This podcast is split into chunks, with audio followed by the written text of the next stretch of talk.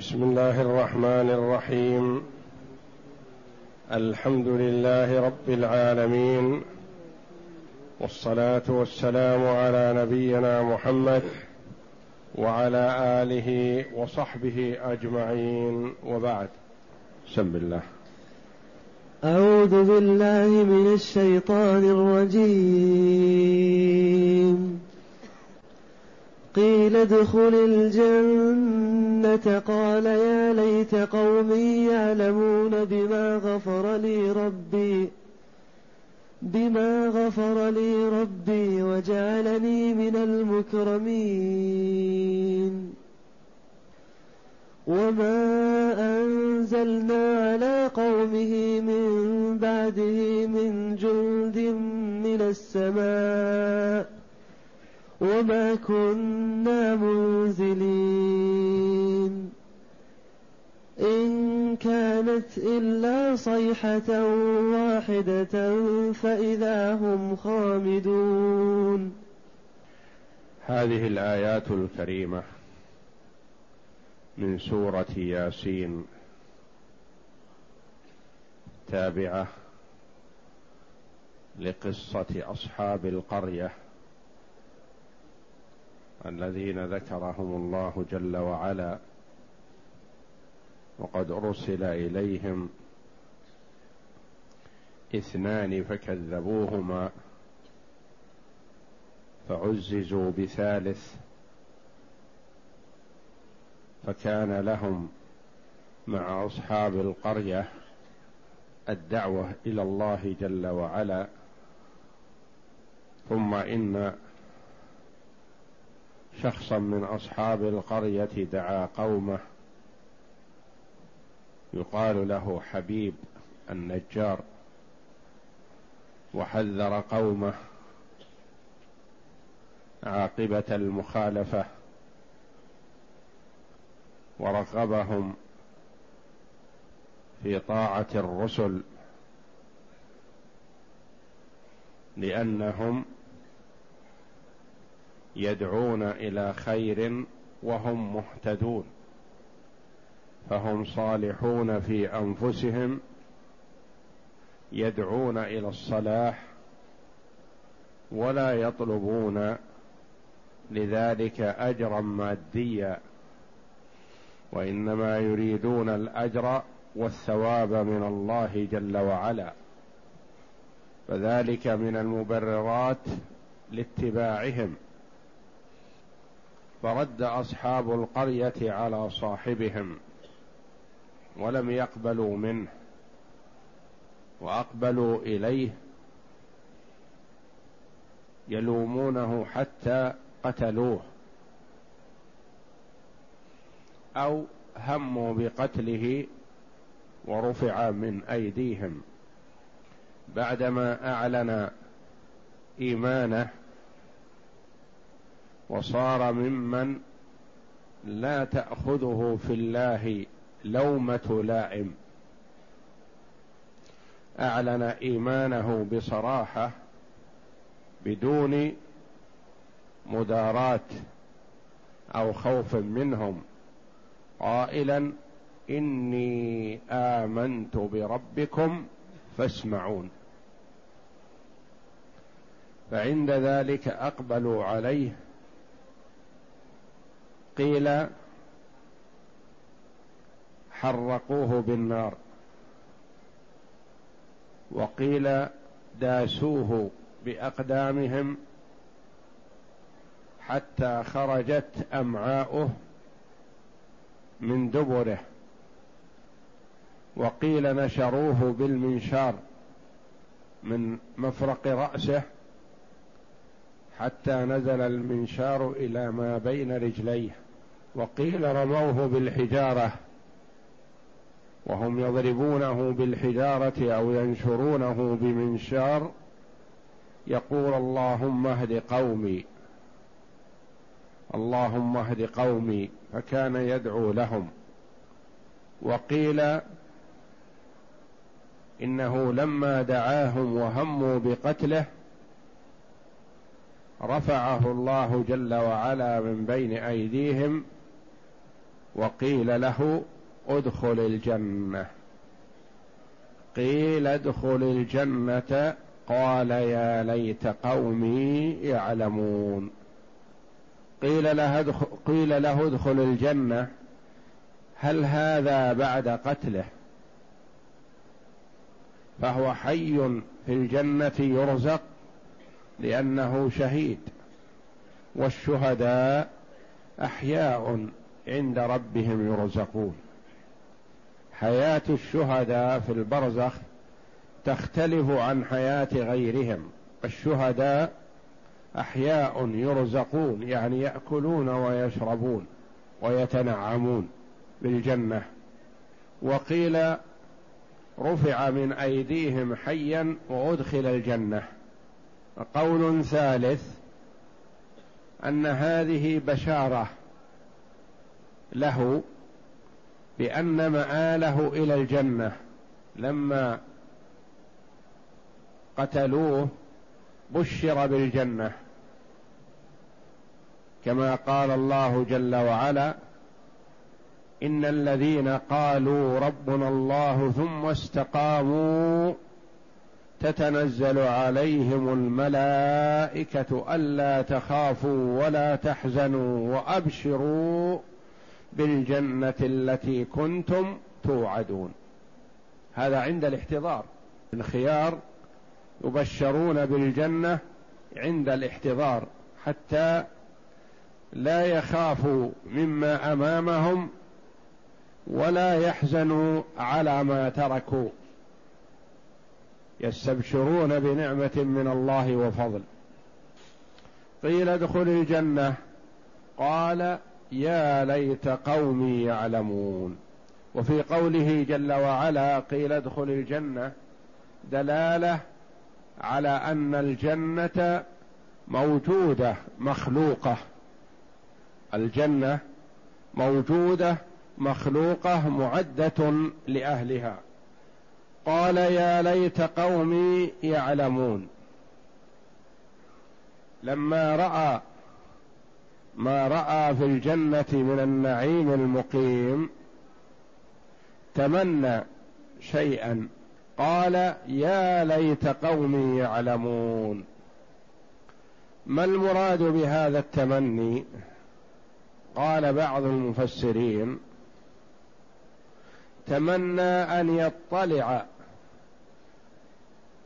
قومه على حاله لعلهم يؤمنون. قالوا نصح لهم حيا وميتا. وهكذا الأخيار. فالرجل الفاضل مهما أوذي وعذب فإنه يتمنى للناس الخير. ولا يدعو عليهم بالهلاك والخزي والنار وإنما يدعو لهم بالهداية ويتمنى ذلك. كما ثبت في الحديث أن النبي صلى الله عليه وسلم قال يحكي قصة نبي من الأنبياء ضربه قومه حتى أدموه فهو يمسح الدم عن وجهه ويقول اللهم اغفر لقومي فإنهم لا يعلمون. وهكذا الخير ما أصيب به من المصائب في ذات الله جل وعلا يستسيغها ويقبلها ويدعو بالخير لمن أساء إليه. فهم يقابلون السيئة بالحسنة. ولا يقابلون السيئة بالسيئة وإن كان يجوز له ذلك من باب المقاصة والمقابلة كما قال الله جل وعلا لا يحب الله الجهر بالسوء من القول إلا من ظلم فإنه معفو عنه. لكن الأفضل والأكمل أن يقابل السيئة بالحسنة. أولئك يؤذونه ويضربونه ويعذبونه وهو يدعو لهم بالخير يدعو لهم بالصلاح يدعو لهم بالهداية يدعو لهم بالعلم. يا ليت قومي يعلمون من محبته وحرصه على إيمان قومه يقول ليتهم يطلعون على ما أنا فيه من النعيم لعلهم يؤمنون. وقيل المراد أنه يدعو أنه لما رأى ما أعد الله جل وعلا له في الجنة من النعيم قال ليتهم يعلمون من باب إغاظتهم حيث أنهم آذوه وعذبوه وظنوا أنه من عذاب إلى عذاب. فهو يقول ليتهم يعلمون ما أنا فيه من الخير والسعادة إغاظة لهم إغاظة لهم. لأن من طبع الإنسان إذا آذاه مؤذ وهو في خير تمنى أن يكون أن يطلع على ما هو فيه من الخير من باب الإغاظة لمن آذاه والتشفي لنفسه. قال يا ليت قومي يعلمون بما غفر لي ربي وجعلني من المكرمين.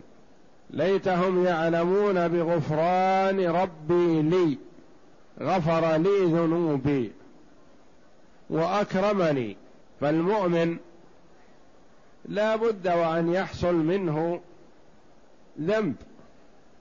لو لم تذنبوا لذهب الله بكم وجاء بقوم يذنبون فيستغفرون فيغفر لهم.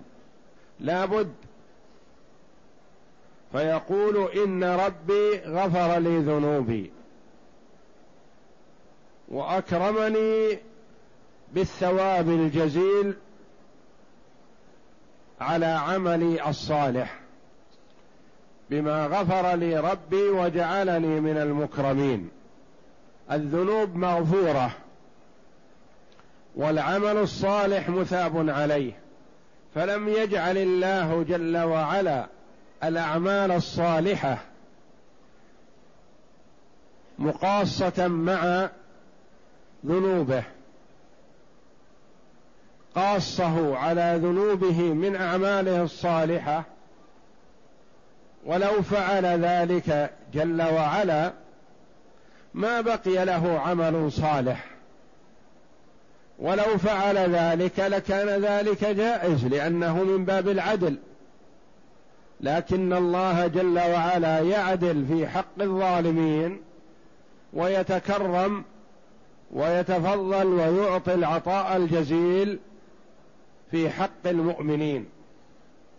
فهذا يشكر ربه جل وعلا بأنه غفر له ذنوبه وأثابه الثواب الجزيل على أعماله الصالحة. بما غفر لربي ما هذه مصدرية يعني تسبك هي وما بعدها بمصدر. ويصلح أن تكون موصولة. ويصح أن تكون استفهامية. وأنكر ذلك بعض العلماء. والأشهر والأوضح للسياق أن تكون مصدرية. يا ليت قومي يعلمون بما غفر لي ربي يعني بغفران ربي لي ذنوبي غفران مصدر. بما غفر بغفران. وجعلني من المكرمين. أعطاني العطاء الجزيل وأكرمني بالكرامة العظيمة مع غفرانه لذنوبي. فالله جل وعلا بين حال هذا الرجل الصالح حتى يكون قدوة للأخيار. ماذا كان مآله؟ قتل. إن ثبت هذا لأنه قيل أنه قتل وقيل رفع. لكن على أنه قتل ساعة قتله هو في الجنة يتقلب في أنهارها. فالمؤمن لا يبالي ولا يكترث بما يصيبه من أذى في ذات الله. كما قال سحره فرعون لما توعدهم بالعذاب وأن يقطع أيديهم وأرجلهم من خلاف وأن يصلبهم في جذوع النخل. قالوا لا ضير لا يهمنا هذا إنا إلى ربنا منقلبون. اقض ما انت قاض. انما تقضي هذه الحياة الدنيا يعني فعلك وقضاؤك وعملك في الحياة الدنيا تنتهي. والمآل إلى الله جل وعلا. فقتلوا فذهبوا إلى الجنة. والله جل وعلا يقص على عباده قصص الأخيار. من الرسل والأنبياء والصالحين والشهداء لأجل أن يكونوا قدوة صالحة قدوة حسنة لمن بعدهم. فالمؤمن مبتلى في هذه الدنيا يبتلى بأنواع المصائب وبحسب إيمانه كلما قوي إيمان العبد اشتد بلاؤه. يبتلى المرء على قدر دينه وكما قال النبي صلى الله عليه وسلم أشد الناس بلاء الأنبياء. ثم الأمثل فالأمثل.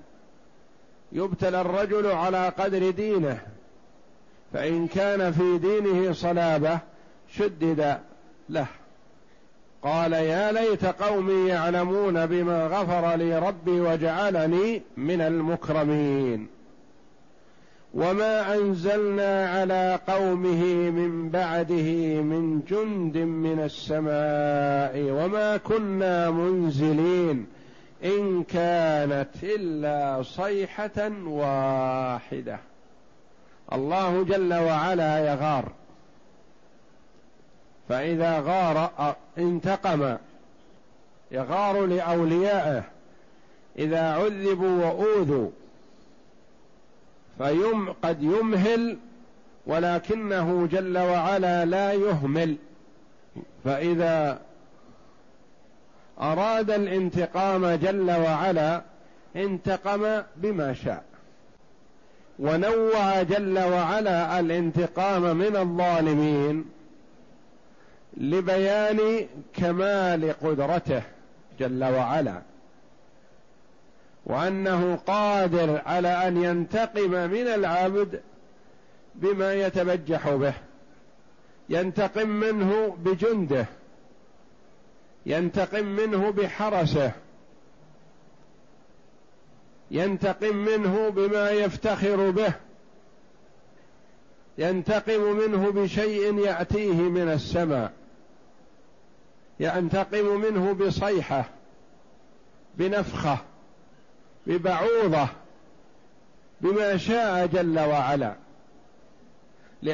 لأجل أن لا يستبطئ الناس عقوبة الظالم ويتوقعون أنه لن يعاقب على ما فعل. إذا أراد الله شيئا إنما يقول له كن فيكون. وما أنزلنا على قومه من بعده من جند من السماء. هم أحقر وأذل وأخس من أن يحتاجوا إلى جند يقاتلون ينزلون من السماء. الأمر أسهل من ذلك. صيحة واحدة. ورد أن جبريل عليه السلام مسك بعضدتي الباب باب المدينة فصاح بهم صيحة فلم يبق منهم حي. بصيحة من جبريل. وإذا علم أن الله جل وعلا أهلك قرى قوم لوط وكانت سبع بطرف جناح جبريل. ما احتاجوا إلى مجهود. قال بعض المفسرين يعبر بشعرة بريشة بريشة من جناح جبريل. والله أهلك جل وعلا قوما بأن حصبهم من السماء وقوما بالخسف وقوما بالرجف وقوما بالغرق وهكذا. يقول الله جل وعلا وما أنزلنا على قومه يعني قوم هذا الرجل الصالح الذي قيل له ادخل الجنة. ما أنزلنا على قومه من بعده من جند من السماء يعني ما أمهلناهم ولا احتاج إلى أن ننزل جند من السماء بعدما توعدوا الرجل وأرادوا قتله أو بعدما قتلوه. وما كنا منزلين يعني مثل هؤلاء لا نهتم لهم ولا نبالي بهم ولا يحتاجون إلى مجهود. إنما أمره إذا أراد شيئا أن يقول له كن فيكون. وما كنا منزلين. قيل إن الله جل وعلا ما أنزل الملائكة من السماء للقتال إلا مع محمد صلى الله عليه وسلم تكريما له. وقد نزلت الملائكة معه في يوم بدر وفي يوم الأحزاب وفي بعض الغزوات. وأما الأمم السابقة إذا عصت الرسل وأراد الله جل وعلا الانتقام منهم انتقم منهم بغير جند من السماء بما شاء جل وعلا. وما كنا منزلين إن كانت إلا صيحة واحدة فإذا هم خامدون. إن كانت إن كانت العقوبة أو النقمة أو الأخذة إلا صيحة واحدة. ما احتاجوا إلى صيحة أخرى. صيحة واحدة من جبريل أهلكتهم. فإذا هم خامدون شبههم جل وعلا بالنار التي تتقد. بالقوة والجبروت والعظمة والطغيان بالنار التي لها قوة ولها أثر ثم هذه النار خمدت. كأنه صب عليها الماء. ماذا تكون؟ بعدما كانت مهلكة تكون لا شيء. يعني لم تكن تدريجيا وإنما خمدت. فإذا هم خامدون. صيحة واحدة. أكدها جل وعلا بأنها واحدة. ما احتاجوا إلى مجهود. صيحة من جبريل عليه السلام بأمر الله جل وعلا. إن كانت إلا صيحة واحدة إن هذه النافية. ما كانت إلا صيحة واحدة. وصيحة خبر كان على أن كان ناقصة وهذا هو المشهور. واسمها ضمير يفهم من السياق يعود إلى ما فهم من السياق. إن كانت ما هي العقوبة أو النقمة أو الاخذه إلا صيحة واحدة. ما كانت العقوبة احتاجت إلى مجهود ما كانت إلا صيحة واحدة العقوبة صيحة واحدة. إذا جردتها من كان ومن إن وإلا أصبحت كانها مبتدا وخبر العقوبة صيحة واحدة. أو النقمة من هؤلاء صيحة واحدة. أو الانتقام من هؤلاء صيحة واحدة. وقرئ برفع صيحة. إن كانت إلا صيحة واحدة فإذا هم خامدون. على أن كان حينئذ تامة. كانت تامة ترفع الفاعل فقط. وكان الناقصة تدخل على المبتدأ والخبر فترفع المبتدأ وتنصب الخبر. إن كانت إلا صيحة واحدة يعني إن وقع إلا صيحة واحدة. يعني ما وقع وما حصل إلا صيحة واحدة. على أن كان تامة. والأشهر أن تكون ناقصة. إن كانت إلا صيحة واحدة فإذا هم خامدون. مفاجأة. بينهم وبين صاحبهم. صاحبهم إن كانوا قتلوه فهو ساعة قتلهم إياه لحظة قتلهم إياه. يقال ما خرجت روحه إلا وهو في الجنة. وهؤلاء هلكوا ومآلهم إلى النار. ثم ما بينه الله جل وعلا عنه وامتدحه به. فالله جل وعلا يكرم أولياءه وينصرهم على أعدائهم. وقد يكون النصر بتخليصهم من أيدي الأعداء ورد كيد الأعداء في نحورهم. وقد يكون النصر بالذكر الحسن والثناء الجميل وإن مات سجينا كشيخ الإسلام ابن تيمية رحمه الله ما يذكر إلا ويدعى له بالمغفرة والرحمة وغيره من السلف. فنصر الله لأوليائه يأتي على أنواع عديدة. ليس معنى هذا أنه إذا مات في السجن أو نحو ذلك معناه أنه مخذول. لا. يجعل الله جل وعلا له ذكرا حسنا وثناء طيبا. وهذا ما دعا به إبراهيم الخليل عليه السلام. واجعل لي لسان صدق في الآخرين. فاستجاب الله له جل وعلا فهو كل يزعم موالاته عليه الصلاة والسلام. اليهود يقولون إبراهيم يهوديا والنصارى يقول إبراهيم نصراني والمشركون يقولون نحن على ملة إبراهيم. فكل يدعيه وهذا الذكر الحسن الذي جعله الله جل وعلا له واجعل لي لسان صدق في الآخرين.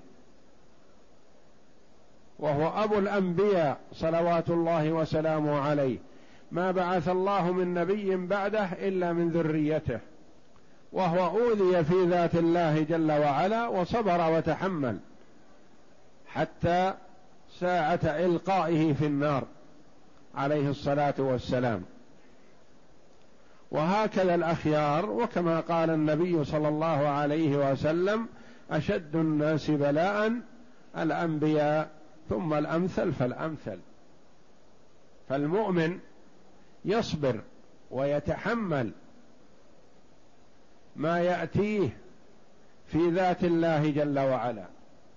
ولا يحاول أن ينتقم لنفسه أو يغار لنفسه وإنما يغار لله جل وعلا ويصبر على ما يصيبه في ذات الله ويستبشر بالثواب الجزيل من الله جل وعلا. وهذه سنة الله في خلقه. الأخيار يبتلون في الدنيا والعاقبة لهم. والأشرار قد يعطون في الدنيا ويمد لهم لكنهم لا يمهلون ومآلهم إلى النار والعياذ بالله. وكما قال النبي صلى الله عليه وسلم لهم الدنيا ولنا الآخرة. فهذه دروس عظيمة يستفيد منها المؤمن قوة في إيمانه وصبرا وتحملا لما يصيبه من أجل إيمانه وتوحيده. المهم أن ينظر في نفسه وفي عمله ويصلح ما بينه وبين الله جل وعلا. فإذا صلح ما بينه وبين الله وأخلص العبادة لله فليبشر بالخير وإن كان في أشد أذى وعقوبة وحبس وتعذيب وغير ذلك من أنواع العذاب في الدنيا فذلك خير له. المهم أن ينظر في عمله ويصلح ما بينه وبين الله. اولا وقبل كل شيء بالإخلاص لله جل وعلا وتوحيده وإفراده جل وعلا بالعبادة وحده لا شريك له. فإذا أخلص عمله لله جل وعلا فالله جل وعلا يثيبه ويعطيه الثواب الجزيل وإن قل العمل. والحذر كل الحذر من أن يكثر العمل ويقل الإخلاص. أو يقع المرء في الشرك. الخوف على المرء أن يقع في الشرك من حيث لا يشعر فيحبط عمله مهما كثر. كما قال الله جل وعلا في حق هؤلاء فقدمنا وقدمنا إلى ما عملوا من عمل فجعلناه هباء منثورا. لا قيمة له. أعمال ظاهرها الصلاح لكن لا قيمة لها لأنها لم تكن خالصة لله أو خالطها الشرك. وقد يخلص العمل العبد يخلص العمل لله جل وعلا لكنه يعمل عملا آخر لغيره فيحبط الأول والأخير. لأن الله جل وعلا يقول أنا أغنى الشركاء عن الشرك. من عمل عملا أشرك معي فيه غيري تركته وشركه. فالحذر كل الحذر من الشرك الذي يحبط العمل والذي قال الله جل وعلا عنه لعبده ورسوله نبينا محمد صلى الله عليه وسلم وهو أفضل الخلق وأخشى الخلق لله جل وعلا وأتقاهم قال الله جل وعلا له ولقد أوحي إليك وإلى الذين من قبلك لئن أشركت ليحبطن عملك ولا تكونن من الخاسرين. لئن أشركت ليحبطن عملك. الله جل وعلا يعلم ازلا أن محمدا صلى الله عليه وسلم لا يشرك لأنه عصمه جل وعلا من الشرك لكن هذا تعليم للأمة أن أفضل الخلق لو أشرك حبط عمله. فلا يقول المرء أنا لي من الأعمال الصالحة ما يكفي ولو وجد شيء من الشرك فلا يضر. لا بل الشرك محبط للعمل لأوله وآخره. يحبط عمل الأخيار إذا وقعوا فيه. فما بالك بمن دونهم؟ فالحذر الحذر من الوقوع في الشرك.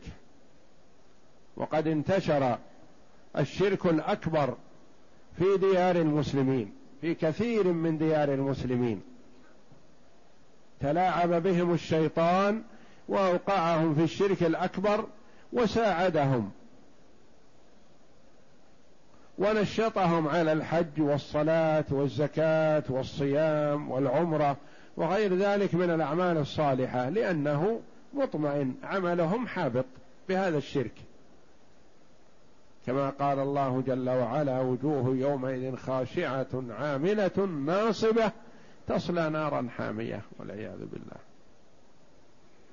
عاملة تعمل مجتهدة لكن عمل حابط والعياذ بالله.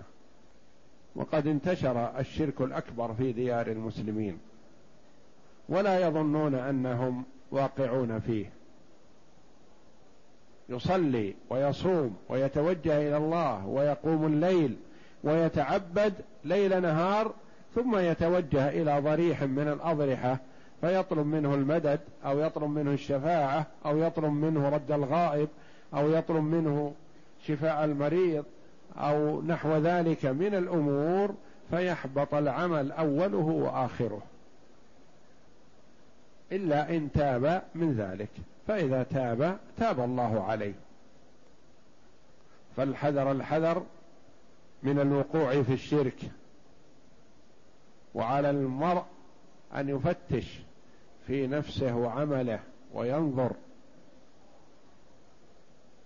إن كان على الكتاب والسنة فليحمد الله على ذلك وليسأله الثبات والاستمرار على الطاعة والإعانة والتوفيق وإن كان بخلاف ذلك فليتدارك ما دام في دار المهلة في دار العمل. والشيطان يحرص على تثبيط ابن آدم إذا رأى منه رغبة في الخير أو توبة خوفه من المستقبل. قال له كيف تفرط بمركزك؟ كيف تفرط بسمعتك؟ كيف تفرط بجاهك في البلد؟ وهكذا يثبطه عن الرجوع إلى الله جل وعلا ليستمر على ما هو عليه من الضلال لتستمر له رياسته أو جاهه أو قبوله عند الناس بل عليه أن يصحح عمله ويرجع إلى الله جل وعلا وينجي نفسه قبل أن يهلك فيكون مآله إلى النار. والله أعلم وصلى الله وسلم وبارك على عبد ورسول نبينا محمد وعلى آله وصحبه أجمعين.